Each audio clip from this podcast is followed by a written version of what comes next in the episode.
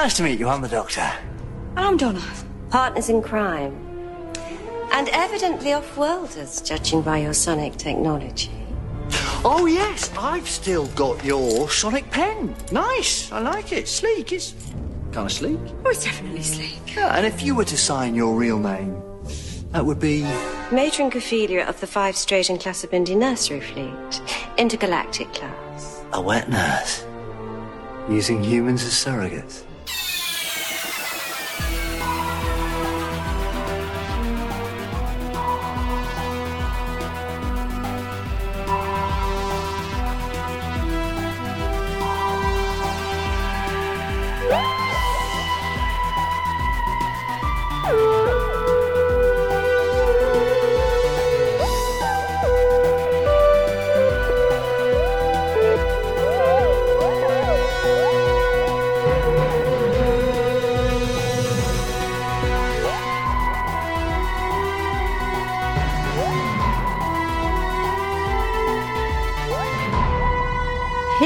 Välkommen till Dr. Who-podden, som är en podd där vi går igenom nya Dr. Who ett avsnitt i taget.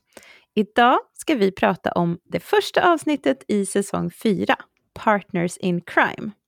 Se gärna avsnittet vi ska prata om innan du lyssnar. Och vi som pratar heter Elin och Malin. Och intromusiken är gjord av Allan Näslund. Vill du berätta om avsnittet Malin? Mm.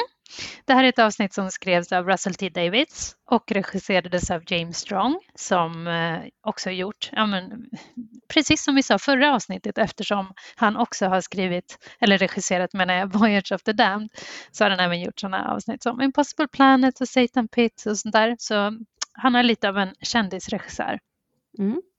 Men i själva avsnittet då, eh, så undersöker doktorn om det är något skumt med de nya bantningspillren som säljs av Adipose Industries med den karismatiska Miss Foster som spelas av Sarah Lancashire som chef. Men han är inte den enda som anar oråd när fettet bara går iväg från Londons invånare. En viss Donna snokar också runt i hopp om att ramla in i ett nytt äventyr med doktorn. Naturligtvis visar det sig att Miss Foster har en utomjordisk agenda. Hon skapar helt enkelt barn av fett och använder jorden som en stor surrogatindustri. Donna hittar sin doktor och doktorn hittar en ny följeslagare. De blir det vill säga verkligen partners in crime. Mm. Okej, och vad känner du för avsnittet? Alltså det så, jag tycker att det här avsnittet det är eh, tramsigt men också jätteroligt faktiskt. Mm. Mm. Det är verkligen så här, eh, komik på hög nivå. Ja, blandat med dålig eh, sci-fi. Och lite samhällskritik. lite samhällskritik. Ja, eller? Ja. ja, det brukar vi gilla. Det brukar vi, jag menar, det är klart att vi gillar samhällskritik. Det är väl, det, det är väl därför vi finns, håller på att säga. Eh, det är vårt existensberättigande, samhällskritikerna. Samhällskritiska Dr Who-podden.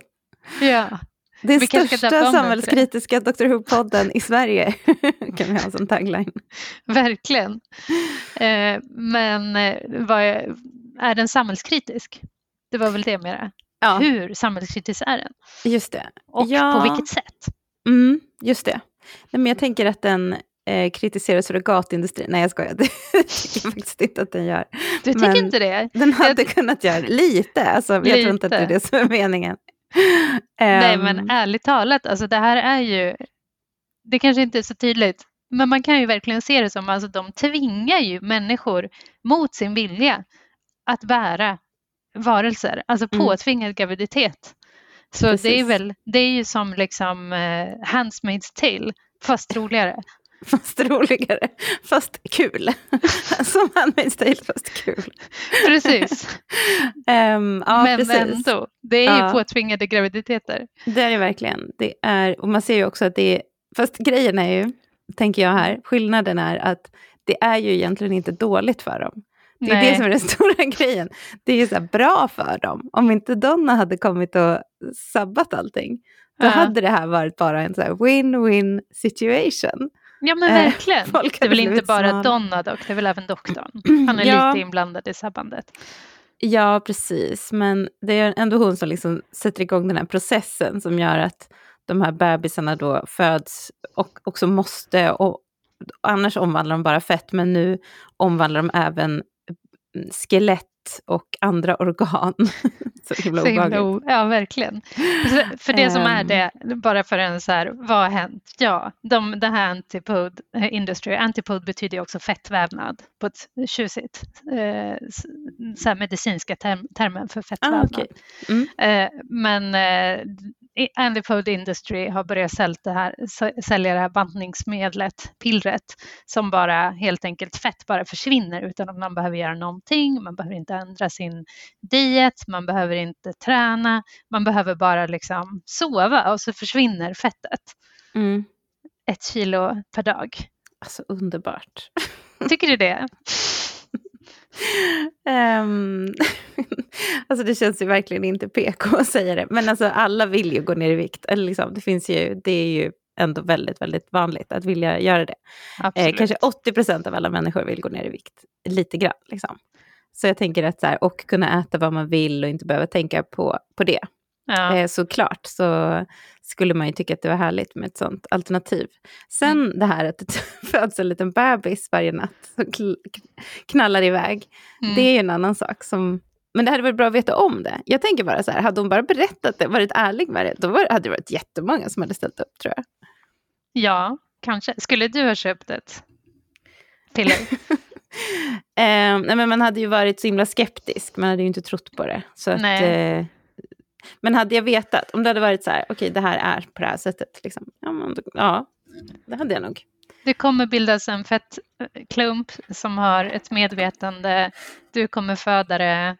Eh, Du kommer inte få ta hand om det, utan det är bara en, liksom, någon annan ska göra det. Du ska helt enkelt bli eh, surrogatmamma.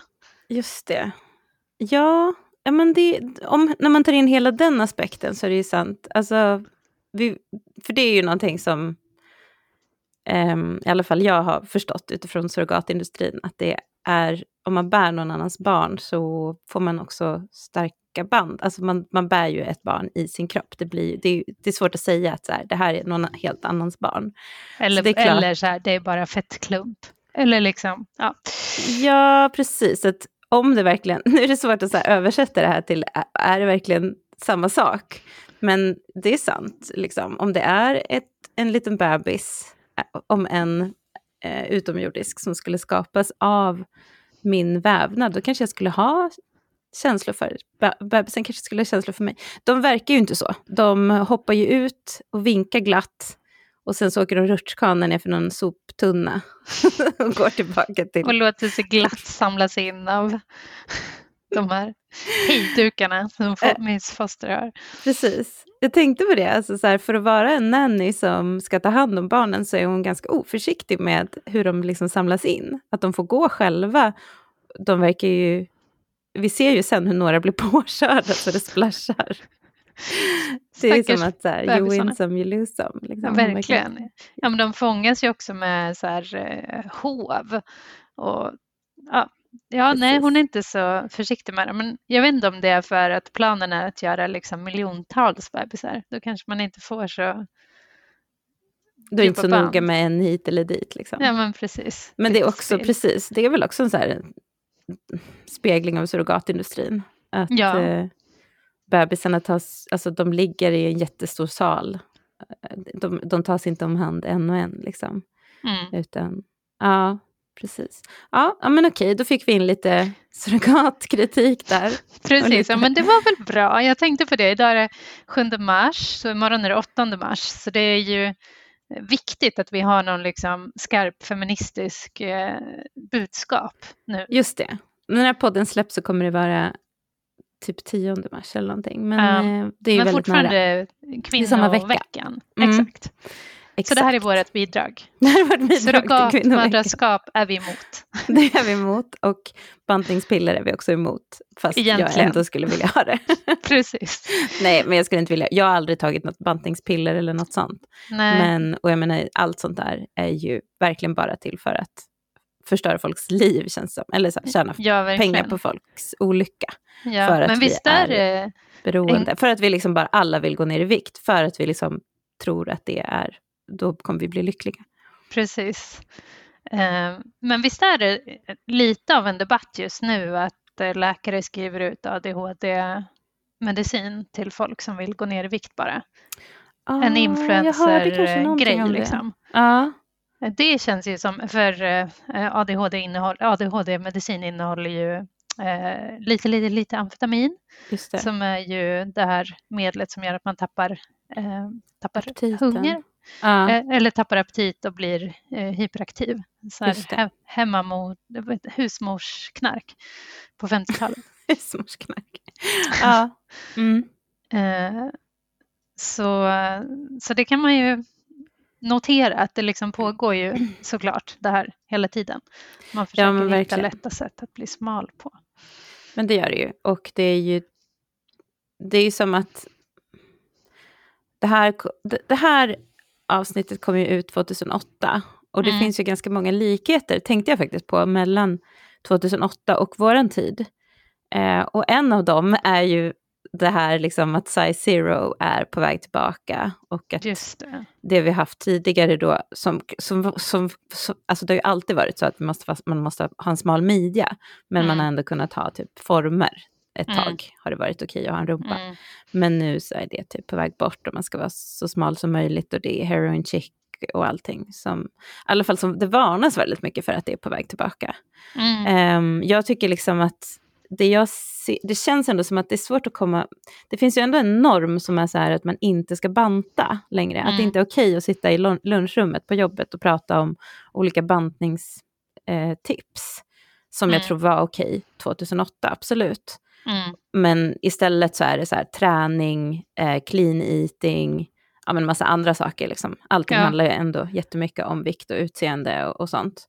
Ja, men att folk precis, kanske tränar ju- mycket mer. Ja, det är ju bantning fast med så här hälsoförpackning. Liksom. Ja, precis. Hälf- ja, man skyller på att det är för ens Ja. hälsa. Liksom. Men alla Men- bara bli sm- smala.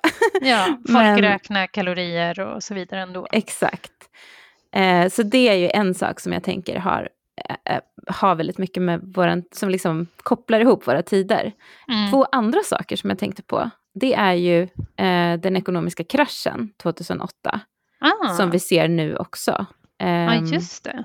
lågkonjunktur och vi ser också, eh, eller vi, 2008 kom ju fågelinfluensan Ja, och var jättestor. Och det var ju inte en pandemi, men det var ju en, vad kallades det då, epidemi? Nej, inte ja epidemi. epidemi kanske. Jag vet inte, men det var i alla fall en stor, stor fara. Man var ju rädd för fågelinfluensan. Jag kommer Ja. ihåg att det ändå var så här, typ hosta inte i, i en hiss, för då kollar alla snett. Liksom. Fast man stod Ja. ändå i en hiss. Ja, men eh, jag minns att jag kunde- skulle åka till London en gång och då min eh, kille då var så här, vi kan inte åka tunnelbana, det går inte, vi kommer få fågelinfluensan. Ja, ja precis. Så det var Ja. liksom som en liten försmak av coronaviruset, men som Mm. ju i och för sig in, känns jättepassé nu, 2023. Ehm, men det finns ju fortfarande. Så att jag tänkte bara att så här, vi har de här eh, sakerna som kopplar ihop oss lite. Ja, men tycker du, alltså, tycker du att det märks i avsnittet? Nej, men jag tänker att så här, det kan vara kul att ha med sig, kul eller tråkigt, jag vet inte, att ha med sig eh, framåt i säsongen. Och Ja. tänka på så här, vad är det för tid som vi det. ehm, som den här, det här utspelar sig i. För nu, det har ändå gått några år sedan vi startade. Och det har det Mm. gjort på riktigt för oss också. Men Ja. liksom, det känns, vi närmar oss liksom våran tid lite mer. 2008, då var jag ändå så här, då hade jag ett jobb, då hade jag slutat plugga, då var jag vuxen. Ehm, för mig så är det, det känns mycket närmare i tid än. 2005. Vet du att det är ju 15 år sedan, 2008, och då flyttade jag till Linköping. 15 Nej, år sedan. gud. Ja. Mm. ja, men det känns väl som igår liksom. På Ja, verkligen. Men både och, liksom. det känns som igår och det känns också som en livstid sen. Ja. Jag bodde i Virserum i Småland. och jobbade Men var på Virserums väg konsthall. till Linköping och mig. Ja, precis. 2011 flyttade jag dit, så det var ändå tre år. Oj, oj, oj. Jag kan, Som ja. du fick leva där utan mig. ja, men det är svårt att föreställa mig. Men eh, Du var ju faktiskt, ja, du var ju gravid när jag lärde känna dig, det stämmer ju. Mm. Mm. Eh, men Sidetrack. Bara tillbaka till eh, då 2008 och Storbritannien, då var det ju väldigt mycket prat om fetma också. Jag tror vi var Mhm, okej. inne på det eh, i relation till, ehm, eh, gud vad heter det avsnittet igen, med eh, Giles, skolreunion. Ja. Där, att vi pratade lite Ja, om att liksom, eh, ja, skolmat var ju med där, det var ju ett, eh, ett viktigt tema Mm. med Jamie Oliver och allt, så det pratades mycket om fetma i Storbritannien då. Mm. Men, Ja men precis, för hon säger ju att det var, det var svårt att hitta ett eh, land, eller en planet där det fanns så mycket fetma och övervikt. just det, Eller liksom, det var, alltså, det var så här, hon tyckte att det var bra. Men det är också konstigt för att hon väljer Storbritannien. Det är ju Ja, fortfarande, verkligen. USA är ju fortfarande värre. ja. Det är ju så orimligt att de väljer Storbritannien. Verkligen. Men det, var, det är också problem såklart i London. Eller jag menar i Storbritannien också med fetma. Men Mm. jag håller med. Men eh, tycker du liksom, om man då ser det här som en kommentar, för det fick också, läste jag, liksom, eh, vissa kritiker lyfte fram det här avsnittet som en, liksom en smart kommentar till, till fetma-debatten. Liksom. Mm. Vad, hur tolkar du, vad är det för typ av kommentar? Vad, vad, liksom, vad säger det om fetma? Vi har ju redan varit inne såklart på det här med att människor gör allt för att bli smala. Och liksom, eh, oavsett att ja, man, man tänker inte igenom konsekvenser och man tänker inte på biverkningar och sådär utan man bara tar ett piller och sen så hoppas man att den quick fixen ska funka. Så. Mm. Eh, Men tycker du också, för nu är det ju, det har varit lite mindre nu kanske just det senaste året, men vi har ju haft mycket så här debatt om eh, fettfobi och sånt där. Mm. Tycker du att det finns i det här avsnittet? Fett, Fett, fettfobi. Ja, Ehm, men det känns inte så farligt som man kan tänka sig att det skulle kunna vara. Det känns Nej. som att de som är, tar de här pillren, de har liksom olika storlekar och är porträtterade som riktiga människor. Liksom. Och, alltså, jag tycker inte, det är inte som i förra avsnittet, som i Voyage of the Damned, där det var så här, åh, de bara älskar att äta, fast de också är underbara människor. Ja. att det var lite mer skämt om det. Men här Ja. känns det inte som att de skämtar på, på de här liksom, personernas bekostnad. Nej, det Faktiskt. tycker inte jag heller. Ja, Mm. men, eh, och det är väl det som skulle gjort det fettfobiskt, precis som, som du var inne på, om det hade varit liksom så här, eh, väldigt glupska personer eller om det hade varit väldigt så här onda typ, eller giriga. Ja. Ja, men en, när man tillskriver eh, väldigt negativa egenskaper, men de känns faktiskt, de, alla de, vi träffar ju två, tre, fyra personer som, som eh, har tagit de här pillerna och de är ju som du säger olika men de, de är också som den här tjejen som vi träffar. Mm. Eh, hon är ju väldigt så här, eh, ja men man får ju väldigt bra intryck av henne. Hon verkar vara en rolig, glad, alla tjocka personer är glada. Nej jag skojar. Är det hon som heter Patricia kanske? Eller något? Ja, just Eller har jag det. hittat på det? Som Donna gör ett hembesök hos. Ja, precis. Hon som är den som faller isär, Ja, stackarn. stackars. Ja. Ja, Det är ju egentligen har- det enda hemska i hela avsnittet väl? Eller? förutom att Miss Foster dör. Ja. Herregud. Kan Mm. du... Men hon har ju ändå det? brutit mot reglerna och sådär. ja, Det är lite, hon försöker ändå döda doktorn och Donna. Ja, det gör hon ju. Men det är ändå ganska skönt att det är så lite dödsfall. För det känns som att det är, det gör att det här avsnittet är ganska, jag tycker att det är jättekul.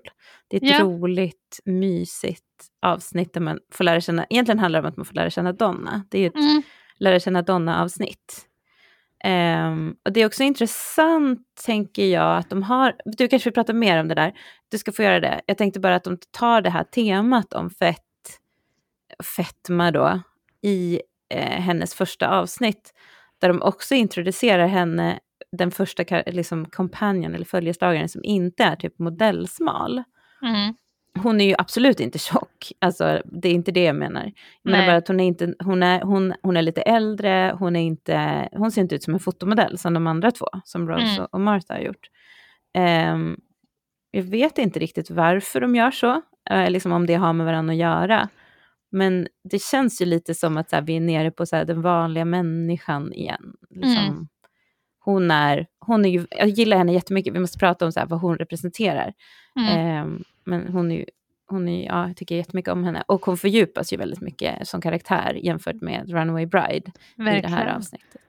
Men Ja. Ville du säga något mer om Nej, egentligen vill jag bara säga att jag inte heller tycker att det här är fettfobiskt. Jag tycker att det är ganska tydligt att det är liksom eh, industrin som eh, kapitaliserar på människors liksom, eh, önskningar eller eh, drömmar om att bli smala som är bovarna.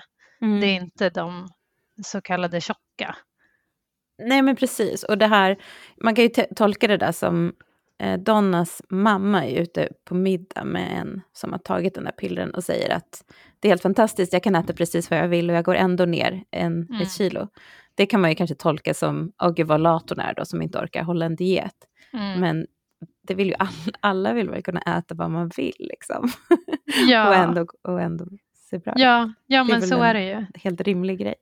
Ja. Jätte, jättesvårt att inte äta när man är hungrig. Eller inte äta någonting gott när man är sugen på det. Det är ju Verkligen. liksom typ det svåraste som finns. Ja, och dessutom, alltså det som är sjukt kopplat till det du sa just och det här med så här, dagens sätt att förhålla sig till, till eh, att vilja vara smal, det är att man som kvinna typ direkt har så här, ja men det är bara att uh, bita i en citron när du är hungrig så försvinner matlusten eller du kan eh, ta en daddel istället eller så här, se till att äta regelbundna måltider så blir du inte så hungrig. Mm. Och du vet allt det där som man bara kan utan och innan. Mm. Det är så enkelt liksom. Kalorier in, kalorier ut. Det är bara att låta bli. Bara låt Mm. bli det där. Bara, nej, Ja. det är inte så lätt. Nej. Ehm, ja. Ja, men det är lite triggande tänker jag att prata om det så här tycker jag. För att det, jag har ju precis som alla andra jättemycket så här, tankar om sånt. Men det är ändå, jag tycker inte att själva avsnittet är jobbigt. Liksom. Nej, det tycker inte jag heller. Och jag tycker också att det vore en slapp analys att kalla det för fettfobiskt. Mm. Ja men precis. Det är som att Dr Who har liksom, de har anställt, de äntligen fått tillfälle igen då att anställa några eh, större skådespelare. Men det skulle ju vara fint om de kunde göra det när det inte bara handlar om tjockhet. Ja, Som verkligen. Att de är Sledin som är förklädda eller att de är, ja. Nej, ja, lite mer representation på det, Ja. den sidan kanske. Det vore bra. Mm. Man, så vi kan väl sammanfatta den här diskussionen som att ja, hela tv och filmindustrin är fettfobisk på ett strukturellt plan. Men eftersom de inte anställer eller till exempel tjocka personer för att spela vanliga karaktärer. Mm. Men just i det här avsnittet så behandlas det på ett okej sätt. Ja. Men jag vill ju såklart prata jättemycket om Donna. Mm. Eh, och vi pratade ju också i säsongsavslutningen väldigt mycket om liksom hur, Donna, eller hur Martha introducerades jämfört med hur eh, Rose introducerades. Så det var ju någonting som jag är så här, hur introduceras hon? Vad lär vi, vem, vem är Donna? Vad får vi för liksom, fördjupning av hennes karaktär och så. Mm. Det, det känns ju jätteviktigt. Mm. Har du några tankar? Ja, ja, men precis. För det var som att vi fick... Jag tror att många tyckte inte så mycket om henne när de träffade henne i Runaway Bride. I alla fall Mm. de som inte kände igen henne, kanske alltså skådespelerskan eller så här Catherine Tate Mm. eh, från tidigare och hade ett positivt intryck från tidigare. Många Mm. tyckte väl att hon var så här skrikig och jobbig och aggressiv typ mot Mm. doktorn. Det tycker inte jag, men det kanske är för att jag vet inte, jag, jag minns liksom inte riktigt vad jag tyckte första gången. Ja, nej, jag tror också, jag tror vi, när vi pratade om Runaway Bride så var vi både liksom gillade redan Donna. Men vi var så färgade av att vi har sett hela Ja, henne. Ja. Men samtidigt så tog vi ju också upp i det avsnittet att hon liksom är lite av en så här karikatyr på en så här bridezilla på ett Ja. inte jättekul sätt alltid och att det liksom, det är ju verkligen hennes så här skrikiga sida som får utrymme. Ja men precis. Men nu tänker jag så här, nu får vi träffa hennes mamma och då får vi se, då tänker jag att man ser ganska mycket vad hon har fått det därifrån. Alltså Mm. hon har lärt sig att man behöver skrika högt för att Ja. få någonting här i världen. Hennes mamma Ja, verkar inte verkligen. så himla trevlig. Ehm, och hennes, man får ju se, för det första vi får se är att hon och doktorn går, liksom, gör samma saker. Mm. Hon håller på att infiltrera det här Adipose Industries ehm, på samma sätt som han gör. Hon har tydligen jobbat på deras, eller hon har jobbat på sa- eh, Health and Safety tidigare. Så då Mm. har hon ett gammalt kort som hon visar upp och tar sig in. Och han säger exakt samma sak, fast när han öppnar någon dörr så exploderar det lite grann. Det tyckte jag var lite osmidigt gjort av honom. Men det är som att de hela tiden håller på, de är som att de är lite spioner som infiltrerar. Och Mm. man förstår inte riktigt i början om att de inte är, jobbar ihop. Utan man tror ju att de jobbar tillsammans. Att, de, att så här, Ja. aha, de har träffat varandra och nu är, jobbar hon tillsammans med honom. Ah, så tänkte inte jag alls faktiskt. Nej, okej. Jag tänkte så. Ja. Men sen så förstår man ju vartefter att det inte är så. Speciellt när de är inne i det här kontorslandskapet. Mm. Och de, eh, de liksom skuggar en kontorsperson var. Och Mm. sätter sig i deras lilla cubicle. Och eh, hon sätter sig med en kille. Och eh, doktorn sätter sig med en tjej som upp, direkt blir superintresserad av honom. Bara vänder sig och bara mm. Ja men såklart, jag har ju sett det här direkt. håret. Han är ju väldigt, väldigt snygg och bra i det här Mm. avsnittet. Mm. Liksom charmig. Mm. Så det förstår man ju. Ehm, ja, så de liksom är där. Och sen så, så man tror ju kanske då att hon, hon är också väldigt välklädd, så det ser ut som hon har ett jobb. Liksom. Ja. Men sen så får man se hur hon kommer hem och hur hennes mamma bara, liksom, det är som ett collage, där det liksom går, tonar ut och in. Så att man förstår att det går ganska lång tid, eller man får en känsla av att det här händer hela, hela tiden. Mm. Mamman går omkring och bråkar på henne medan hon sitter vid, vid, sitt, vid köksbordet och bara försöker tänka sig bort. Liksom. Ja. Ja. Och då säger mamman också så här, Mm. det är inte 80-talet, det är ingen som är arbetslös längre. Det är bara du. Ja, det tyckte jag var intressant. Men det kanske var innan då den här börskraschen hade slagit till ordentligt. Just För då tror jag folk blev arbetslösa. Ja. Ehm, ja, men då får man i alla fall liksom träffa henne. Och sen får man också träffa hennes morfar som sitter uppe på en kulle och spanar ut i rymden efter aliens. Mm. och honom har vi ju träffat förut. ja, Han var ju med i förra avsnittet. ja precis. Och sålde tidningar på Ja. julafton. Det är lite konstigt, för jag tror att han har ett annat namn. Så jag förstår inte om han ska vara samma men- karaktär eller inte. Ja, de ändrade ju det eh, lite grann för att eh, han, eh, det var ju inte samma karaktär egentligen. Han hette något annat, fast han hette Mott i efternamn, precis som han heter nu då. Han heter Mm. Wilfred Mott nu. Eh, men han som skulle spela Donnas pappa var det. Han dog Ja. under inspelningen. Så han hann spela in eh, delar av det som skulle bli det här Partners in Crime. Men, men eh, då ställdes man ju liksom inför så här, vad ska vi göra? Ska vi ta in en annan person? Ska vi eh, ta bort honom? Eller så där. Och så var det någon som tyckte att den här Bernard Cribbins var ett bra alternativ. Så Mm. tog de in honom. Men eh, så det är samma person, men de har bytt namn och det, tydligen så ändrade de i, i the credits för att det skulle matcha sen. ja, men jag fattar inte varför han inte kunde heta samma sak. Han var ju Nej. inte med i, i The Runaway Bride ändå, Nej, vilket är konstigt. ja, det, han, där var ju han som skulle spela. Ja, Nej. där var ju pappan med. Ja. Men var det bestämt då? Nej, det var inte bestämt då att... Nej, Nej så då eh, var ju inte han med, Nej, just det. morfarn. Vilket är konstigt. Jag kommer ihåg att, vi pratade om det då, men så här, vi Mm. kan inte prata om det för det är en spoiler. Så var det morfarn. Ja. det var han Mm. Bortrest. Eller på ja, sjukhuset, eller vad var det? Ja, just det. Men sen så tyckte i alla fall Russell att eh, Donnas morfar måste heta eh, Winifred. Winfred. Wilfred. Wilfred. Väldigt svårt Heter för mig han att säga. Wilfred? Wilfred Mott. Ja. Ja. ja, jag hade ju också en väldigt nära relation med min morfar som gick bort här i höstas. Ja. Så jag tänkte mycket på honom. Jag tänkte Och- också på honom och dig faktiskt. Mm. Åh, det är så fint. Och när han berättar, eh, det är så himla himla fint. Alltså det, dels är det jättefint, jag har inte en sån mamma som är sådär. Ehm, så, men det är ju alltid skönt att ha en tillflyktsperson Mm. eh, när ens föräldrar är jobbiga. Mm. Så det var ju min morfar och mormor för mig jättemycket när jag var liten. Eh, Mm. Och även stor, Mm. faktiskt. Ehm, men jag kände också igen morfar så mycket, och det är säkert en morfargrej, när han berättar för Donna och ett minne liksom. Mm. Jag minns när du var liten och din mamma sa det blir ingen holiday i år och du gick och satte dig på bussen. Eh, och så ser man på Donna att den här historien har hon hört många gånger förut. Att de ska hålla på och berätta historier om när man var liten. Liksom, som man har Ja. hört tusen gånger. Det, det syns verkligen, men det som är skillnaden på liksom, från scenen där Donna sitter och, i köket och blir tjatad på eh, och när hon träffar sin morfar är ju att man ser verkligen det. Hur liksom, hon älskar sin morfar och att han är den där trygga personen. Mm. Så det, alltså, det är så fint. Ja, hon har lite överseende med det. Hon är så här, okej, Ja. nu ska han berätta den här historien igen, men det är inte Ja. jobbigt liksom. Man förstår att det är ett uttryck för kärlek. Ja, precis.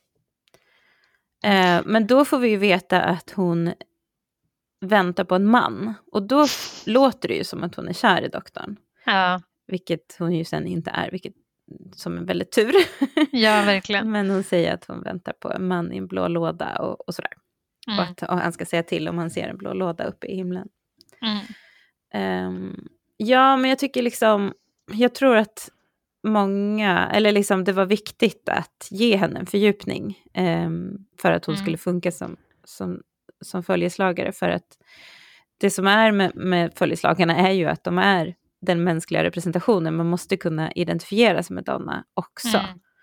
Men hon är ju också rolig, alltså gillar de här två sidorna, att hon har både ett väldigt så här varm, en stark värme och det tycker jag ändå man såg i Runaway Bride. Hon är ju ändå de, den som stoppar eh, honom från att döda spindlarna. Mm, Hon har ju liksom en moralisk kompass, verkligen. men att hon också är så här rolig och det finns så många roliga scener i den här som är så här, jag visste inte, jag, ko- jag kommer inte ihåg att det var i den här i det här avsnittet alla de här scenerna kom ifrån. Så jag Nej. blev så överraskad när, när det dök upp. Jag blev så glad. det är många jättebra scener. berömda scenen när, de, eh, när doktorn finns i en sån där office cubicle och. Det är ju en, den som vi Ja. har återspeglat, eller som vi har som, eh, gjort Ja. en hommage till i vår poddbild, när han Mm. tittar upp över kanten sådär. Mm. Den var ju bara en jättekort eh, scen, som jag Ja. hade glömt bort. Men det är ju det så var- roligt att just det har blivit så känt. Eller liksom att det har verkligen blivit en så här meme. Liksom. Varför har det Från- blivit det? Är det för att han är så söt, tycker folk? Eller vad är det liksom? Det måste ju vara det. Men det är väl för att ja, men man kanske har väldigt varma minnen generellt sett. Av det. Alltså för att det är så himla roligt bara.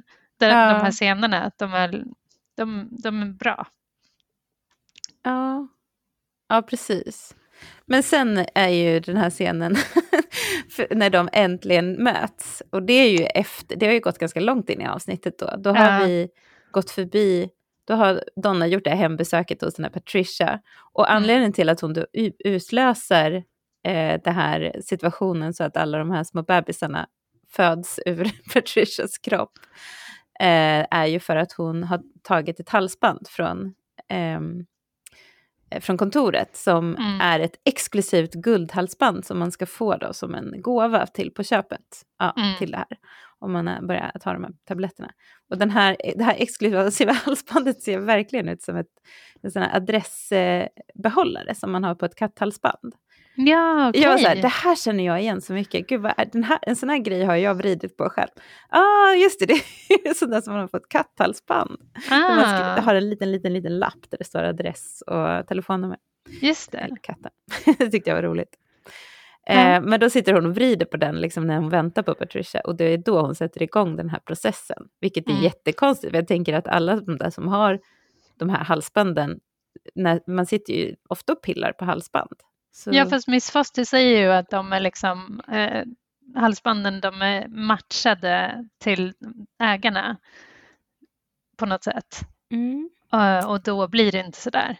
Men när de inte Aha. matchade, så tolkade jag det som. Men, Okej, okej. men det är ja. lite konstigt. Ja, ja. Jag vet inte vad funktionen är, att man ska kunna vrida. Och, jo, men det är och för sig det visar ju sen att Miss Foster har någon slags stor maskin som man kan dra ner en jättestor spak som då inducerar födsel. Och då Ja. verkar det ju lättare att göra det genom att bara pilla lite med ett halsband förstås. Ja, men ja, okej, så det är som att om man är i närheten av någon som har ätit de här tabletterna och Mm. pillar på halsbandet, då sätter man igång det. I när, det som är i närheten, inom Just en viss radie kanske. Just det. Så säger vi att det är. När de väl ser varandra så är det ju Mm. för att doktorn håller på, jo det är så här. Eh, Martha, eller nej inte Martha, Donna. Donna har ju gömt sig kvar inne på kontoret och sitter inne på toaletten i ett toalettbås. Har gömt sig där för att hon ska ehm, sn- snoka runt efter stängning. Liksom. Mm. Och precis efter stängning, de går också tio över sex, noterade jag, som en lång arbetsdag. Ehm, inte fem. Nej, Men, fast eh, de börjar ju också typ nio, halv tio. Ja, ja, det kanske de gjorde. Ja, men det kanske är normala arbetstider i eh, England. Ja. Ja, i alla fall. När de går, när, när man stänger där så då ringer hennes telefon, då ringer hennes mamma. Så hon svar, måste svara. Och så säger, frågar hon var hon är och så säger hon, frågar hon varför hon viskar. Eh, För att hon, och då säger Donna att hon är i kyrkan. Och då säger, frågar mamma, vad gör du där? Praying! säger hon. Hon säger det på ett sånt där bra Donna-sätt. Ja. Det, det är så mycket så här, ja, är så, hon är så bra, det är så mycket komik. Liksom. Hon ja. säger saker på ett roligt sätt.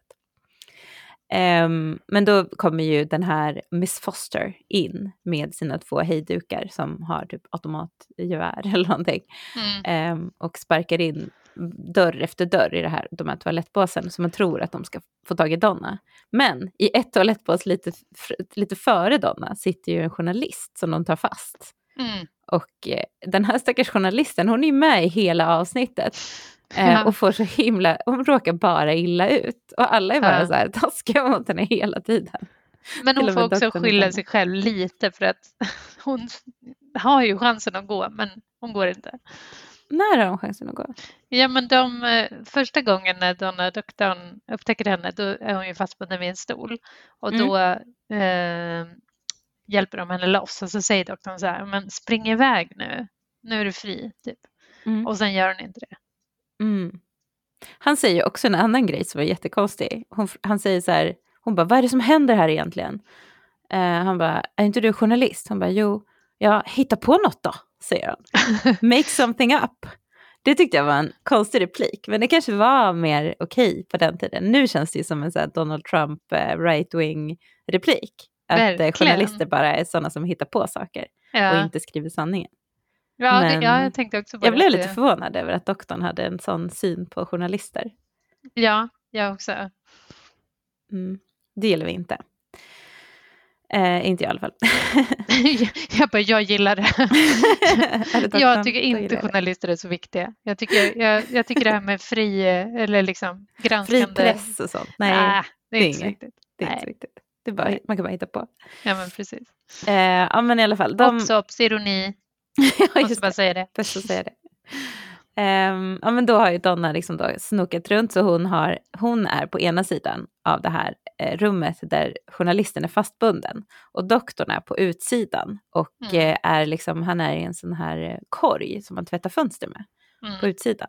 Så att de är på varsin sida av, fönster, av det här rummet och så får de syn på varandra genom fönstret. Mm. Och det är så roligt, alltså det är så underbart. Och då Ja. börjar de ju mima till varandra. Och, och hon är så här! Och ser man att hon säger. Ja. Och han är så här, Donna, what are you doing there? Kände du att du kunde läsa deras, eh, förstå vad de sa? Eh, jag såg ju ett textat avsnitt, så det var ju inte så svårt. Jaha, var det textat vad de sa? Eh, ja, på, Ah, på den svenska var det det. Eller på med svensk text, ja. Okej, det var det inte där jag såg. Nej, men du kunde det. Alltså de var ju väldigt duktiga på det. Eh, nej, nej. Nej, alltså, det jag var de kunde- inte. Okej. Jo, jo, de var jätteduktiga. bara, nej, nej, nej, de var dåliga. nej, men de var, de var jättebra på det. Eh, Ja. Speciellt eh, Donna. Men eh, jag, sen, hon ger ju sig in i någon så här lång förklaring som, jag tror de började prata om något ord när hon gjorde de här grejerna framför munnen med Jaha. fingrarna. Och typ hon smyger. Så att jag förstod inte eh, riktigt vad hon sa där. Men jag tänker att det spelar inte så stor roll. För sen, sen när de har pratat ganska länge, då ska ju hon säga någonting jätte, hon gör ju allting med jätteemfas liksom. Ja. Och då är det som att hon liksom tittar åt sidan och har tungan ute som fastnar liksom med tungan i rörelsen. Och så ser man hur alla tittar på henne. Och Miss Foster säger, eh, stör vi er? Alltså det är så himla rolig scen. Det är min favoritscen i hela säsong fyra hittills. hittills. ja men den är så rolig, jag har ju sett den på sociala medier jättemånga gånger och varit så här, åh gud jag längtar efter Donna. Men eh, jag visste inte att det var det här avsnittet. Men det är så roligt, det är så bra introduktion liksom till henne. Att hon är yeah. så, att hon kan vara både rolig och, och eh, varm liksom. Och känns ja. sårbar liksom.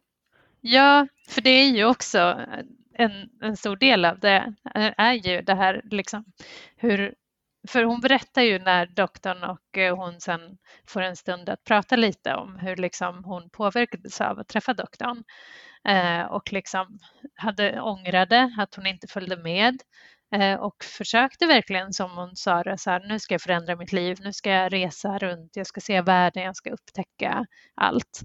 Eh, men misslyckas. Och det är ju roligt när de beskriver det här med att hon åker till Egypten och hon bara ja, jag gjorde det, jag åkte till Egypten, jag gick barfota i sanden och så vidare. Men ja, sen det var ju bara att sitta i en turistbuss och sen åka hem igen efter en vecka och då var det samma gamla liv igen. Mm. Ja, det... Ja, men det kan man ju verkligen känna igen också. Verkligen. Ofta när man är på resa, så, eller ofta, alltid när jag är på resa så tänker jag att åh, mitt liv, ja, men det känns som att livet bara ska förändras från det här. Men det är så svårt att tänka sig att man ska gå tillbaka till den tråkiga grå vardagen igen. Ja. Eh, och det är ju det är jättesvårt att förändra sitt liv. Ja. Det är det jag gillar så mycket med henne, att hon är så här, hon är ju absolut över 30, tror jag. Mm. Eh, och hon bor fortfarande hemma, hon har liksom inte gjort någon karriär. Hon vet inte riktigt vad hon ska göra med sitt liv. Hon hade säkert en så ganska vild partytid mellan liksom 20 och 30. Och sen mm. så började hon känna, vad ska jag göra med livet egentligen? Och då är det som att alla möjligheter bara har stuckit ifrån henne. Um, och det är så relaterbart och så, det är så fint att få se den personen. För det är ju inte att hon är dålig eller osmart, hon är ju skitsmart. Liksom. Verkligen.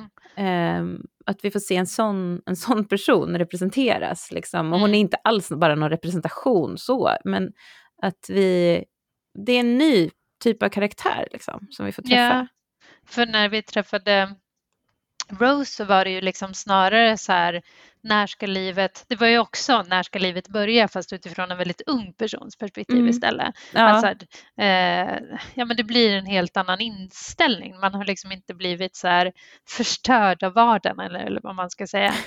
Nej men det är verkligen så här, allt kan hända eh, ja. och allt, allt kommer hända, jag är inte fast här liksom. Ja men precis. Och de är tvärtom. Och sen hade vi Martha där, i, liksom, där livet faktiskt var rätt bra. Hon ja, hade ju liksom sin familj, sin karriär, eh, ingen kille dock, men, eh, men i övrigt. Liksom. Mm. Mm. Precis, på det sättet så är ju Rose och Donna ganska lika varandra. Ja. Um, alltså samhällsklassmässigt. Och en sak som förenar alla tre är ju mm. deras mammor. Att de har alltså varierande grad av ganska bitchiga mammor. Ja, verkligen. Man undrar lite grann om Russell T Davis har en sån mamma själv. En så här, ett rivjärn till mamma. Ja. Nu är ju Donnas mamma den som är minst sympatiskt framställd då. Liksom. Så det är som att det har blivit ja, värre och värre. mamma har ju inte heller så många eh, goda sidor. Eller, Nej, man har inte fått se dem i alla fall. Nej, vi, vi kan ju hoppas att eh, Donnas mamma kanske liksom får en får, vi får se andra sidor av henne. Ja men precis, att vi får veta lite varför hon är som hon är. Jag tänker också att de, alltså, han had, hon hade ju ändå en man, det fanns ju en pappa med i bilden i Runaway Bride. De adresserar ju inte det, men man kanske ändå ska tänka att de har mm. varit med om något jobbigt. Ja, precis. Att han har försvunnit, att han har dött eller något. Ja, kanske. Men eh, ändå är det ju, oavsett om hennes pappa nyss har försvunnit och dött eller om det är något annat, så har ju hon en positiv eh, fadersgestalt i sitt liv. Mm. Och det har ju inte Rose. Um, oklart om Martha har det. Hon har ju en pappa. Men mm. vi får ju inte lära känna honom och vi får inte se vad, hon, vad han betyder för henne alls. Men han verkar ändå finnas där på något sätt. Ja. Även om han hade en medelålderskris. Med... Ja, precis. ja, ja så... men mammorna verkar ju absolut viktigast. Men uh, ja, morfar. Ja, men hon, det blir fint att, att se om vi får veta lite mer om dem. Mm. Men nej, jag Ehm, tänker bara det du sa att det är samma samhällsklass som Rose. Ska inte Donna vara lite mer eller medelklass? Jo, det kanske det är. Jo, det, ja, men så är det nog. Det var bara att jag tänkte att hon var outbildad. Liksom, Ja, just det. Att det kändes som att hennes mamma, det vet jag inte vad hon är. Liksom. Men hon har ett hus i alla fall. Hon har ett hus, de bor inte i lägenhet. Och det Nej. kanske betyder något i, i England. Ja, då liksom, hon har ju bil och. Mm, det är en ganska eh, fin bil. Ja, ja ändå. precis. Och liksom Mm. verkar ju ha sitt ja, men lite medelklasstillvaro med eh, kompisar som man träffar på middag och jag vet inte. Mm. Det är ju sånt som vi i medelklassen gör. Ja. Kompisar på middagar. ja, precis. Ja, längtar efter något annat. Mm. Eh, Men sen så är det ju också en otroligt rolig scen när hon... Alltså själva storyn i avsnittet, den är liksom inte så viktig. Vi har inte pratat om den alls. nej, Men, så jag är på väg till slutet nu. Men ska Ja, vi men säga vi- först att så här, Miss Foster, ja men det här händer liksom. Miss Foster försöker få, få igång någon slags tvångs... Hon går in i för, för tidiga verkar, eller något sånt där säger hon. Ja. så här, så försöker sätta igång en miljon bebisar ska födas. Ja. Så det, fast det är konstigt för det var ju en miljon människor som hade fått de här tib- tabletterna. Och det Ja. verkar ju komma jätte, jättemånga bebisar från varje person. ja, nej, det håller ju inte ihop. Det här är ju verkligen Mm. ännu ett sånt eh, avsnitt som man inte ska problem. granska. Hon kanske Kritiskt. säger mer än en miljon födslar då. Jag vet inte. Ja, men hon Men- hade väl eh, planen på att sprida det till hela Storbritannien och sen kanske ännu bredare. Mm. Men fick nöja sig med... Med de Ja. som har börjat ta det liksom. Mm. Och då så föds det, då börjar ju folk så här och så Mm. kommer det ut bebisar från överallt. Sådär.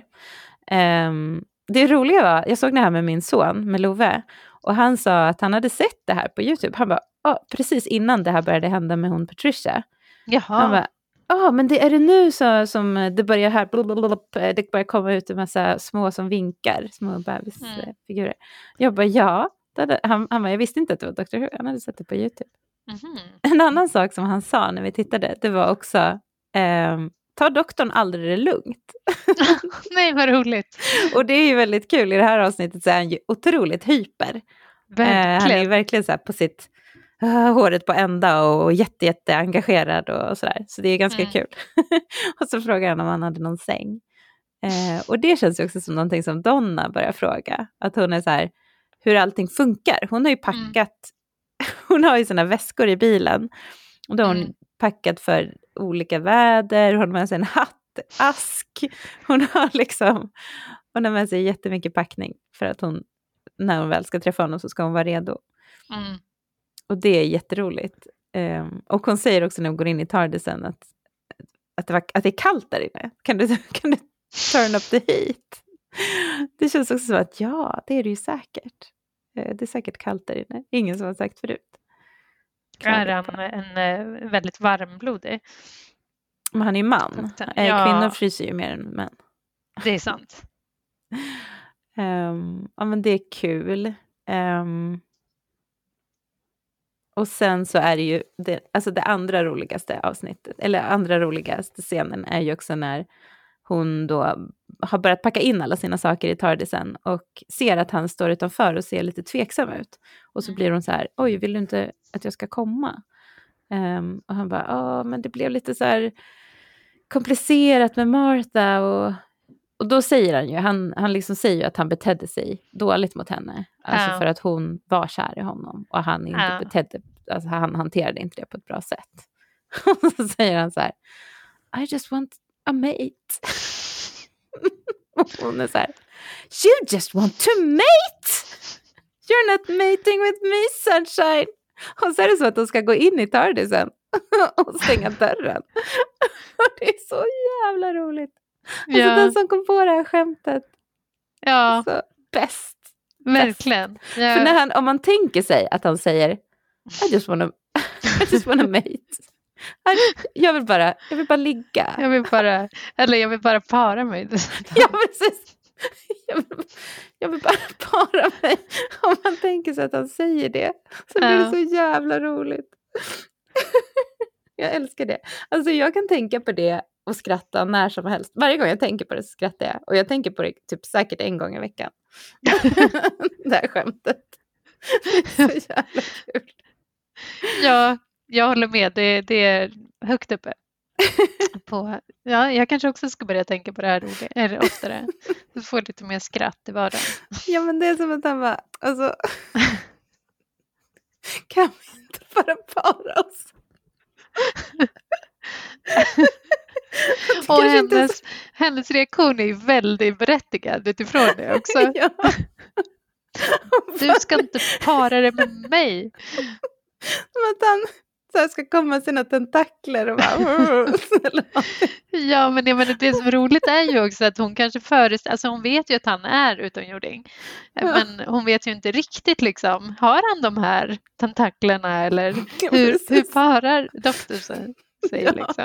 Och precis, hon har precis sett en alien födas ur liksom, kropp, så att hon, det är väl inte konstigt alls. Alltså det passar ju verkligen ihop med temat också på avsnittet. Ja, Att ja, faktiskt. det skulle kunna gå till på en massa obehagliga Ja. sätt. Ja, det är så jävla roligt. Det är Ja, också man så här, så, jätte... Ja, förlåt. Säg.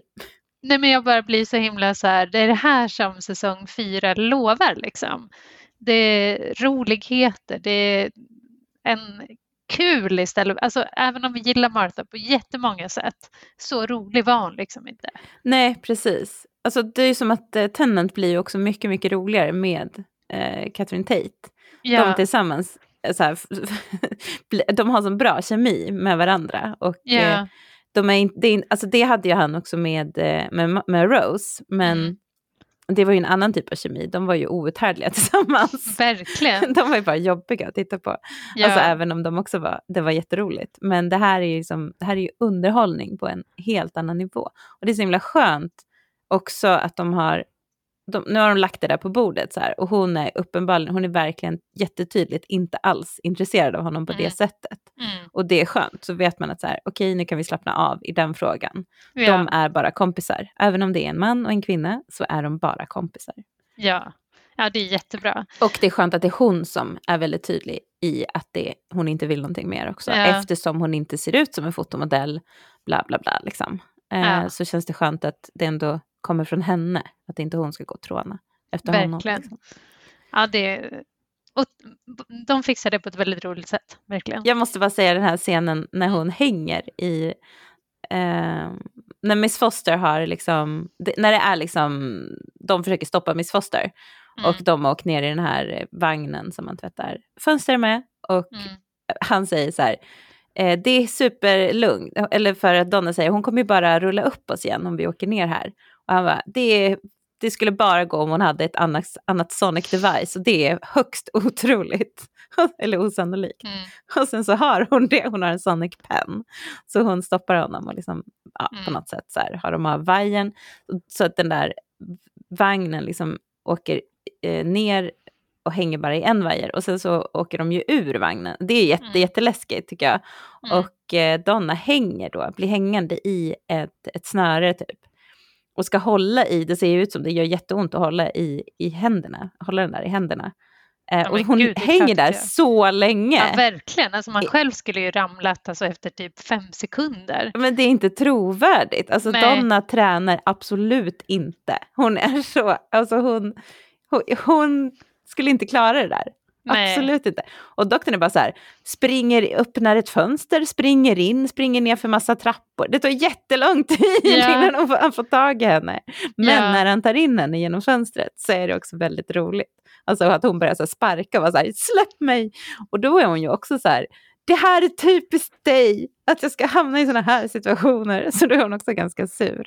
Ja. Ehm, ja, hon är liksom, hon låter inte honom, hon är inte sådär beundrande mot honom och är såhär, Nej. åh doktorn du kan allt, utan som typ, eh, ja men som Kylie Minogue i förra avsnittet som bara, jag kör ut för en eh, klippa för din skull. Eh, så det skulle inte Donna göra tror jag. Nej. Nej, jag tror inte heller det. Eller absolut inte. Snarare, I alla så fall inte kommer, nu. snarare kommer hon hela tiden liksom vara så här, doktorn varför gör du det här? Doktorn, Mm. du är inte så här bra som du tror. Eller liksom, ja men hon kommer att sätta honom på prov. eller inte sätta honom på prov, det är fel uttryck. Hon sätter honom på plats menar jag. Ja men de kommer så här, ge honom en reality check och Ja. inte låta hans ego stiga honom åt huvudet hela tiden. Ja, men det tycker jag också är så här, en jättebra callback till eh, Runaway Bride. För hon säger någon så här, jaha, eh, ska du bara skjuta Miss Foster nu eller vad ska du göra eller något sånt där. Mm. Och han bara, eh, nej, döda barnen också. Döda barnen var det, Just det. ännu värre. Ja. Och då var han så här, nej absolut inte. Och då förstår man ju att det är den bilden hon har fått i doktorn, att han är liksom en så här grym eh, person som dödar hej vilt, liksom. att han har ganska mycket ilska i sig. Och det hade Mm. han ju när, Ja. När han träffade Donna första gången. Mm. Eh, Så det tyckte jag var, det var ganska snyggt eh, att se så här, det, både så här, det här är hennes bild av honom och det här är vad Donna kommer göra. Hon kommer att ifrågasätta honom och hans Mm. val. ja, men hon kan ju inte ha en jättenegativ bild av honom eftersom hon tycker ju Har jättemycket om längtat Hon har längtat efter honom jättemycket. Ja. Men hon har, precis, hon, hon, hon ser ändå att mm. han, gjorde, han betedde sig dåligt då och att ja. eh, han är bättre nu. Han gör bättre nu. Liksom. ja, men jag tycker också, tänker också att liksom, det är klart att hon har längtat efter doktorn och har letat upp honom. Men det är ju inte bara för liksom, karaktären doktorn utan det är ju mera för de äventyr och, och det livet som han kan bidra med Mm, som hon längtar efter. mm, hon det. längtar ju inte efter en kompis eller Nej. en eh, kille. Liksom. Hon vill inte bara ha en mate. Nej, Nej. Fast det kanske hon vill också. Alltså ja, för båda hon behöver verkar ganska. Hon, ensam. ja, hon känns jätteensam. Och han är också ensam. Han håller på och pratar rakt ut i, i tomma intet. Tittar Ja, upp och ser det så var här. också, Nej, det var ingen där. Men det är också så här, vem tänker han att han pratar med? Eller spelar det ingen roll? Behöver det bara vara någon där? Troligtvis. Ja. Eller, det, är så här, det finns två saker som är sannolikt. Ett, det spelar ingen roll vem det är, bara någon lyssnar på allt han säger. Två, det är Rose. Ja, precis. Ja. Ja, men en annan sak som jag bara tänkte på i förhållande till när de pratar om eh, Martha och att han var kär i henne. Mm. Då säger ju Donna så här Oh, Mad Martha that one, Blind Martha, Charity Martha. Kommer du ihåg det? Mm. Eh, Vad betyder det? Jag fattar inte. Mm, jag vet inte. Är det inte bara att hon tycker att det var konstigt att Martha var så förtjust i honom? För hon kan inte se det.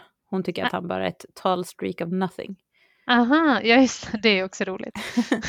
Alla vi som sitter där och så trånar efter doktorn och tycker att han är så himla snygg får oss en näsbränna. Vad tänker du då? Tänker du att det var något annat? nej, Du kunde inte tänka inte. dig så här, vad menar hon? Precis. Nej, men jag har aldrig hört det uttrycket. Jag undrar om det betyder något, liksom blind Martha, charity Martha. Och jag vet inte om, om, hon, om hon menar liksom att, att det var en kommentar till Ja, men också om det var liksom någonting som eh, så nedsätt, inte nedsättande, men liksom en kommentar till hennes karaktär.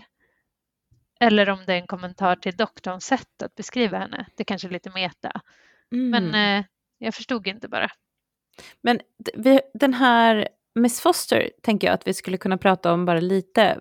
Alltså Miss Foster och de här adipöserna. Mm. Adiposerna. Adipöserna. Vad, tänk, vad, tyck, ja, vad tycker du om, om dem som karaktärer? Eller vad tycker du om Miss Foster som karaktär först?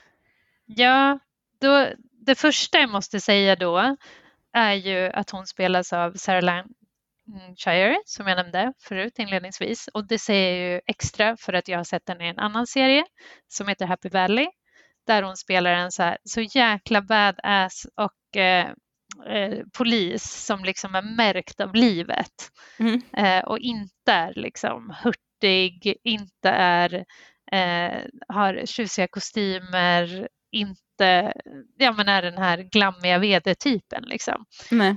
Det är så himla himla konstigt för mig Mm. att få ihop de två olika.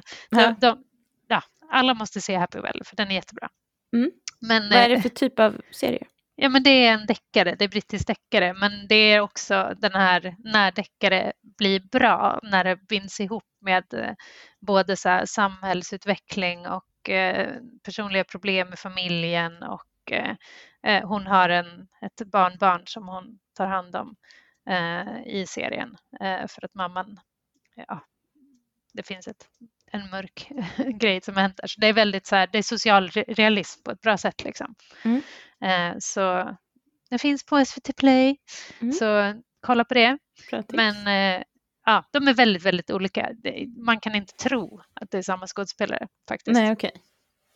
Men man ser. Men i alla fall, så här, hon då, hon som spelar, hon har sagt att liksom, eh, när hon beskriver Miss Foster så säger eh, hon, sa hon typ så här, ja ah, men hon är lite som Mary Poppins.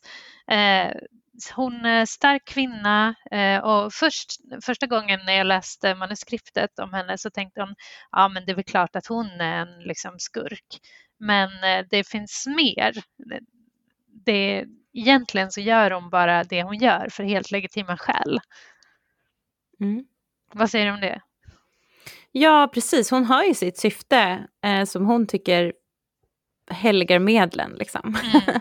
att eh, återbefolka den här...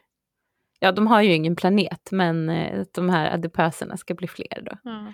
För att planeten har försvunnit, hur nu en planet kan försvinna. Men jag tänkte så här att det hade någonting med time, the time war att göra. Så att jag tänkte att nu är det återigen doktorns fel alltihop. Ja. Men jag, de sa ingenting mer om jag det. tror att det här är foreshadowing. Aha. Vi får se, vi får återkomma till det. Mm. Mm. Ja, men jag tycker hon är så bra och jag tycker det är så himla himla kul att, hon, att de refererar till Super Nanny.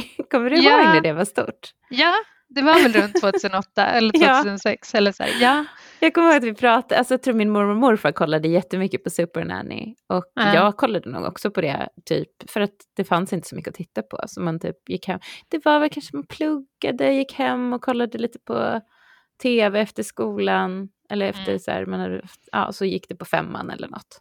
Och så var det Mm. någon så här Super Nanny. Eh, jag kommer ihåg att mormor och morfar hade en olydig katt, så de sa att de måste skaffa anlita Super Nanny för att eh, få pli på henne. Eh, men liksom det var ju som en, det, där så känner man ju att det är ganska daterat igen. Att det, är, det här är Ja. en liksom populärkultur som var jättestor då, men som man absolut inte kan eh, relatera till nu. Och det var roligt för jag lyssnade på lite, de poddar som jag lyssnar på, de är amerikanska. mm. Och de tog inte den referensen, referensen alls. Och så lyssnade jag på en podd där det var en, någon, jag tror hon är från Storbritannien, eller om hon var från Australien. Men det var i alla fall som tog upp det där att jo, eh, det var ett jättestort program, Super Nanny. Så det var ju tydligen bara stort, stort i Europa igen, Mm. precis som Kylie Minogue tydligen var. Men visst var det Supernanny väldigt så här, eh, så här hårda tag och visa vem som bestämmer pedagogik? Just det, ja, ja, ja, det var det ju. Det var innan, det var precis innan eh, liksom lågaffektivt bemötande blev trend. Ja, Innan Jesper Juhl och allt det där som var jättestort när vi blev föräldrar. Det, Ja, var jag. ja. det var bara några år efteråt. ja, då då hade pendeln svängt. För nu är det ju liksom helt otänkbart nästan att det ska komma in, eller ja, man kanske skulle ha så här, eh, barnpedagoger som ska lära föräldrar. Det kanske inte är helt otänkbart, men just den här egentligen, det känns mer som att det är föräldrarna som ska vara experter nu. Ja, precis. Och barnen, bar, barnen är redan kompetenta och kan allt och är typ Ja. perfekta från början. Ja, precis. Det är bara vi som förstör dem. Det är lite det som lär sig ut nu. Eh, men gud, tänk att någon skulle säga go to the naughty corner. Det, det skulle inte hända. Det skulle vara child abuse. Verkligen. Men det var ju helt normalt då. ja, The naughty corner. Mm. men eh, Men hon är jättebra som en skurk tycker jag. Jag tycker sådana där personer är superläskiga. Som eh, är så här lugna och har, hon verkar alltid ha koll på läget. mm, och eh, så här lugn och vänlig och liksom bara utstrålar någon slags makt. ja, Eh, jag tycker hon är, hon är jättebra. Och hon är ganska otäck när hon går med omkring med de där hejddukarna. Både när de kickar in eh, de här toalettdörrarna, när de ska träffa, när de ska leta efter Donna tror man. Och sen när de Mm. också får tag på Donna och doktorn. Och så pratar doktorn med henne och så säger han så här, jag kommer stoppa dig. Och då säger hon, jag tror inte att du kan stoppa kulor. Så här jätte, jättelugnt. Och bara, ja, Ja. nej, det kommer ju, de kommer ju skjuta honom. Men då funkar det ju som vanligt med att han bara uh, wait, wait, wait, wait, wait. Och de bara okej, okay, uh, vi väntar som vanligt. Det funkar alltid att han säger så. Uh, och då så tar han ju de här Sonic devicesarna och, och för dem mot varandra så att det blir någon slags eh, ljud som slår ut alla utom honom och Donna så att de kan springa. det är lite dåligt. Men skitsamma. Men jag tycker hon är bra. Ja. Och jag tycker de här små bebisarna är också ganska roliga. Eller liksom det är kul med en, en eh, liksom fiende eller vad man ska säga, eller ett monster som är gulligt och inte är ont. Liksom. Alltså de är inte onda, de är bara, de kan inte rå för hur de kommer till, som, som precis som hon säger. Mm. Eh, så de är liksom bara så här, ja, springer iväg liksom. Det är roligt. Ja, Ja, just det. Eh, jag blev helt tyst där bara för att jag började bli jätteirriterad över att jag ville göra en Harry Potter-referens här, som jag ju alltid passar på att göra när jag kan. Ja. Men hon är ju väldigt lik Umbridge eh, på ett ja, sätt. just det. Eh, onda Umbridge. Ja, men den här liksom som till synes är väldigt eh, ja, men snäll och schysst, eller schysst, eh, men liksom god, men under den här tillknäppta ondskan liksom. Mm. Ja men typ bara man lyder så kommer det gå bra. Ja. Fast det kommer inte göra det. Precis. Ja. Fast uh. om man bara lydde Miss Foster kanske det skulle ha gått bra. Ja, ja men som, som, som sagt, det, tänk om doktorn och Donna bara hade kunnat låta allting ha sin gång. Precis, då hade ju Britain blivit thin. och, och hon kunde ha fått eh, genomföra sitt uppdrag. Ja. ja, nu får ju hon, nu tar de ju livet av henne. Ja. Det är ganska roligt när det här eh, skeppet kommer, det tycker jag är jättesnyggt. Det känns som att de har mer budget nu i det här mm -hmm. än tidigare. Det kommer ju så här, mm. vroom, liksom, det är ett runt skepp som yeah. kommer åkande över staden. Jag, tycker det, jag gillade det. Ah. Och så är det väldigt roligt att Wilfred sitter där uppe på kullen ja, och sitter med ryggen mot och ser det. inte det. Den enda som liksom är och spana på stjärnhimlen, den enda som inte är besatt av att bli smal konstant utan istället besatt av att eh, stirra på rymden, liksom missa rymdskeppet. Ja. Hårt. Miss Foster skulle förresten ha hetat Miss Rattigan egentligen. Vad, vad är det då? För namn? Jag vet inte, det var bara något random namn men, men de, eh, Russell tyckte att det var liksom för, eh, sa ingenting om karaktären så han tyckte Foster var bättre. Mm. Mer modligt. Ja. ja, det är ju roligt att hon säger så här att det, det ligger i, sitter i namnet, hemligheten sitter i namnet. Foster, mother. men någonting som händer i slutet som vi inte har pratat om det är ju någonting som jag absolut hade glömt bort. Och det är ju att Donna kommer på att hon måste ge sina bilnycklar till eh, mm. sin mamma. Och då gör hon det genom att slänga bilnycklarna i en papperskorg och säger så här, gå och hämta dem där. det är också jättekonstigt, det är verkligen inte okej okay. slänga bilnycklarna i en papperskorg. Eh, jag förstår att mamma ja. blir lite irriterad. ja, gud. Men eh, hon har ju så lånat sin mammas bil liksom. Eh, men då säger hon det till en blond kvinna som står och tittar på mm. allting som har hänt. Och sen springer hon därifrån. Och sen får vi se den blonda kvinnan vända sig om. Och det är Rose. Oh. Fick du rysningar? Ja, lite. Jag blev väldigt förvånad. Jag hade verkligen glömt bort det. Och, ja. eh, jag kommer inte ihåg det heller när jag såg det. Eh, jag blev så här, men gud. Och hon ser så himla ledsen ut. Ja, ja hon det är nästan liksom... det som är mest eh, berör, eller liksom det som man verkligen tänker på. Ja, hon ser liksom inte, hon ser ju inte panikslagen ut, som att hon är så här, jag, måste, jag har precis kommit igenom och måste hitta doktorn nu. Liksom. Utan hon mm. är mer så här, väl, som att hon är ledsen. Hon är som ett spöke, liksom. ledsen och går runt och strövar. Och sen så bara mm. så här, upplöses hon i tomma intet. Mm. Um, så jag antar att vi kommer få, det kommer följas upp. Liksom, ja, det är också lite foreshadowing, ja. kan vi anta. Ja. Mm. ja, det var ju verkligen en cliffhanger. Ja, men det var ju roligt att se henne igen. Ja. Ändå. Samt, det här med att hon ser ledsen ut, det är ju liksom när vi sist såg henne så var hon ju också väldigt ledsen. Mm. för att hon hade skilts från doktorn. Så det kändes lite som att det är klart att hon är ledsen men, men man tänker ju att det kanske är något annat som har hänt. Mm. Ja, precis. Mm. Men det som är då är ju också, det är liksom, vi vet ju att hon finns i en helt annan dimension Mm. som, med, som inte går att ta sig till. Liksom. Doktorn kan ju inte åka till den dimensionen. Den är, Nej. det är en värld som är stängd. Men helt plötsligt är hon ändå i London. Ja, precis. Det är det som är så konstigt. Ja. Ja. Det är det som får en att känna att det är, eller det är det som fick mig att tänka att, det var, att hon var som ett spöke. Att hon Ja. var bara som en, att hon inte var där på riktigt. Ja. Det och att hon löstes upp, precis som ett spöke. Ja, exakt. det också. ja. ja, vi får se vad som händer. Ja. Men eh, det, det, som händer, det som Donna, det första Donna vill, det första stället som Donna vill åka till, det är bara en liten, liten bit upp i luften och en Mm. liten bit ditåt, eller vad det är. Ja, hon, vill, hon vill kunna vinka till sin morfar. ja, det är så fint. Ja, det är jättefint. Och han blir så himla glad. Ja, han, Så det, ja, det är en fin scen. ja, han blir ju glad. Alltså det känns ju som att han dels blir glad för Donnas skull såklart, att nu är hon på väg. Nu ska hon få göra det här som hon drömt om. Mm. Hon ska äntligen liksom få se universum och eh, uppleva något större och liksom göra det som, som hon är ämnad för. Men jag tror också den här att, att för han, han är övertygad om att det finns mer i universum än eh, liv på jorden. Liksom. Mm. Eh, och det är ju också ett löfte om att det finns det. Mm.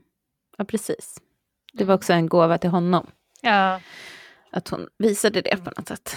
mm. Ja, men det var en fin slutscen. Ja, men man Ja. ser ju verkligen fram emot den här säsongen. Jag ja verkligen. bli Det är så himla, himla bra första avsnitt tycker jag. Mm, Verkligen. väldigt lovande. Ja. Det sätter en Det bra enda ton. man kan liksom kritisera, om man ändå ska vara lite kritisk, är ju att den här, de här eh, den, själva handlingen är så himla intetsägande. Att det är så, och också så barnorienterat. Liksom. Att det, inte, det är inga vuxna som tycker att det är spännande. Eller så här, ja, men de här små Nej. fett bebisarna. Alltså det är så tydligt att det är gjort för en barnpublik. Ja, men det är ju lite, det är ju lite spännande ändå med de här... Alltså jag tänker att Miss Foster och hennes, hennes eh, hantlangare ändå Mm. sätter en slags spänning. Ja, någon, men den är ju inte så, alltså det är ju inte det som är det viktiga i det här avsnittet. Det, det känns ju lite som att Russell bara slängt in något. Men det han vill är ju att berätta om doktorn och Donna. Ja, precis. Vilket är ju Men- okej. är ja, men jag det. gillar det på Ja, något sätt. Jag tycker ja. att det är, så här, det är bra att det är lite, att det är lite, de har hållit tillbaka lite på livsfaran och jag menar, Donna hängde ändå i luften och höll på att ramla ner och dö. Det, Ja. det var ju fortfarande lite livsfara, men alltså att det inte blev så här massmord och så. Det var Nej. skönt tycker jag. Men eh, om vi ska sammanfatta lite då. Har du någon eh, favorit, eh, någon, någon du vill ge ditt hedersomnämnande till? Det är ju morfar då. Ja, yes, morfar. Men det ville du också kanske? Ja, Men jag tänkte det att om du ville ta morfar så skulle jag kunna ge ändå till journalisten som ja jag tänkte är att så säga- ihärdig. Ja, jag tycker, alltså Wilf är ju bäst men, Ja. eh, och mest sympatisk. Men han, hon, den här journalisten är ju eh, väldigt modig och ihärdig och liksom kämpar för att avslöja den, den här storyn och eh, gräva fram sanningen. Så jag tycker hon är bra. ja, men det roligaste är ju också när det sista vi får se av henne är att hon springer iväg fortfarande fastbunden eh, vid en stol och så skriker hon bara Ni är galna! Jag ska, jag ska anmäla er för galenhet! Alltså madness. You're mad. I will report you for madness. Det var ganska kul. Det var roligt. Ja. Ja men eh, det kan bli ett gemensamt eh, pris i de två då. Ja, men, Ja. men det är klart att det är eh, morfar som är bäst Mm. egentligen. Ja men verkligen. Mm. Men doktorns smarthet då? Hur, har du tänkt någonting på den? Ja, alltså jag känner att det här är ett så avsnitt där jag, han gör det som förväntas av honom. Han är smart, helt okej okay smart men inte någonting som sticker ut liksom, särskilt, eh, tycker jag. Eh, så för mig är han så här, ja, jo, han är smart, tre plus. Mm. Hur känner du? Ja, men jag känner väl samma sak. Det är roligt att han har lite gadgets som han springer omkring med. Lite nya grejer som han har byggt och spårar de här grejerna med och så. Ja. Det är alltid roligt att se. Eh, han är ju verkligen så här bra och energisk och liksom påt mm. på något sätt. Det är ehm. ju roligt också när han är hos den här mannen som där fettet försvinner ut ur kattluckan. Ja, ja. Det är ju kul. Och, och de ligger på mage och tittar ut genom luckan tillsammans. Ja, ja det är jättefint. Jag gillar och, det jättemycket. Ja, och säger det här liksom att eh, ja, det, det är ju inte bara saker som kan eh, gå ut från kattluckan utan gå även in. saker som kan komma in. Nej, tvärtom. Nej, tvärtom. Fan. Ja, precis. Det skulle varit läskigare tvärtom. Det var ja, det är, läsk det är lite läskigare när han säger så här. Det kanske är någonting som går ut varje natt klockan tio mm. över ett när larmet går. Mm. Mm. Ja men det, det är obehagligt. Ja men det är fint. Eh, eller det är väldigt...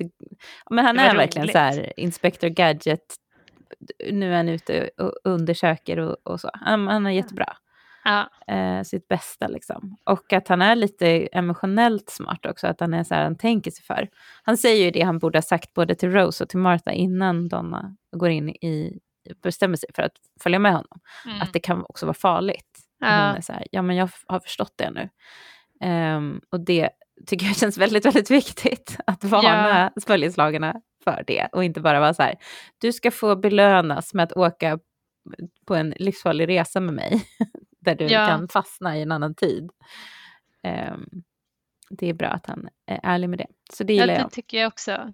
Det, det enda som man inte tycker om, eller som jag inte tyckte om var när han bara, ja Martha, ja hon, eh, hon var ju kär i mig. Ja, han skryter lite där för uh, Donna av uh. någon konstig anledning. Ja. Men det är som att där säger han ju inte sanningen riktigt. Eller han säger sanningen men det är inte hela sanningen. Liksom. Ja men precis och den kommer ju senare. Ändå. Det är lite konstigt att han vill skryta för henne på det sättet. Varför vill han det? Liksom? Det är för att han är en så himla Casanova. Han är ja, en charmör. Och... Han har kanske inte fattat då att hon inte vill mate with him. Nej men eh, ja. Han kanske, inte, han kanske inte har fattat att hon inte är intresserad. Jag vet ja. inte. Det är konstigt. Men det är också ganska, det är vid ett tillfälle så är ju, är ju, är ju Donna så himla bra. Eller alltså de, då när, de, när allting håller på att gå åt helvete och de står och försöker stoppa Miss Foster från att mm. eh, nöd, få, ja, sätta igång den här grejen som ska döda mm. alla människorna. Så säger han att han behöver, så behöver han ju en till sånt där halsband. Men han mm. säger inte det, han bara åh allting kommer gå åt helvete. Och så. Och då säger Donna, vad behöver du? Och han är bara, galen. Alltså han är helt hysterisk typ. Ja. Och hon bara, what do you need? Tell me what you need. Hon är så himla bra. Hon, bara, hon är så lugn liksom. Eh, hon är som en förälder som bara, använd dina ord. Ja. Vad behöver du? Berätta för mig vad du behöver. Och då så har ju hon en sån här, ett sånt här extra halsband som han behöver. Det är ju mm. jättekul. Där är han ju kanske inte på sitt bästa då, sitt smartaste. Nej. Men det, där så kompletterar ju hon, hon honom så himla bra. Verkligen. Men jag tänkte på den här i, i säsong två när eh, det är julspecialen där, när han träffar, är det säsong två? Ja men det är ju. Eh, när Jackie är så här, vad behöver du, vad behöver du? ja, aldrig få säga det. Ja men precis. Ja. ja det, var, det var så himla roligt. Ja, men där, det måste ju vara en callback till det. Att liksom Jackie skriver, behöver du en clementin, behöver du en varm tröja, behöver du en eh, bok? Ja men du vet, säger allt som man precis. tänker på. Men eh, Donna medans... är bara så här, berätta nu för mig vad du behöver. Istället för att försöka gissa och överrösta ja. honom. Mm, det, var, det var kul.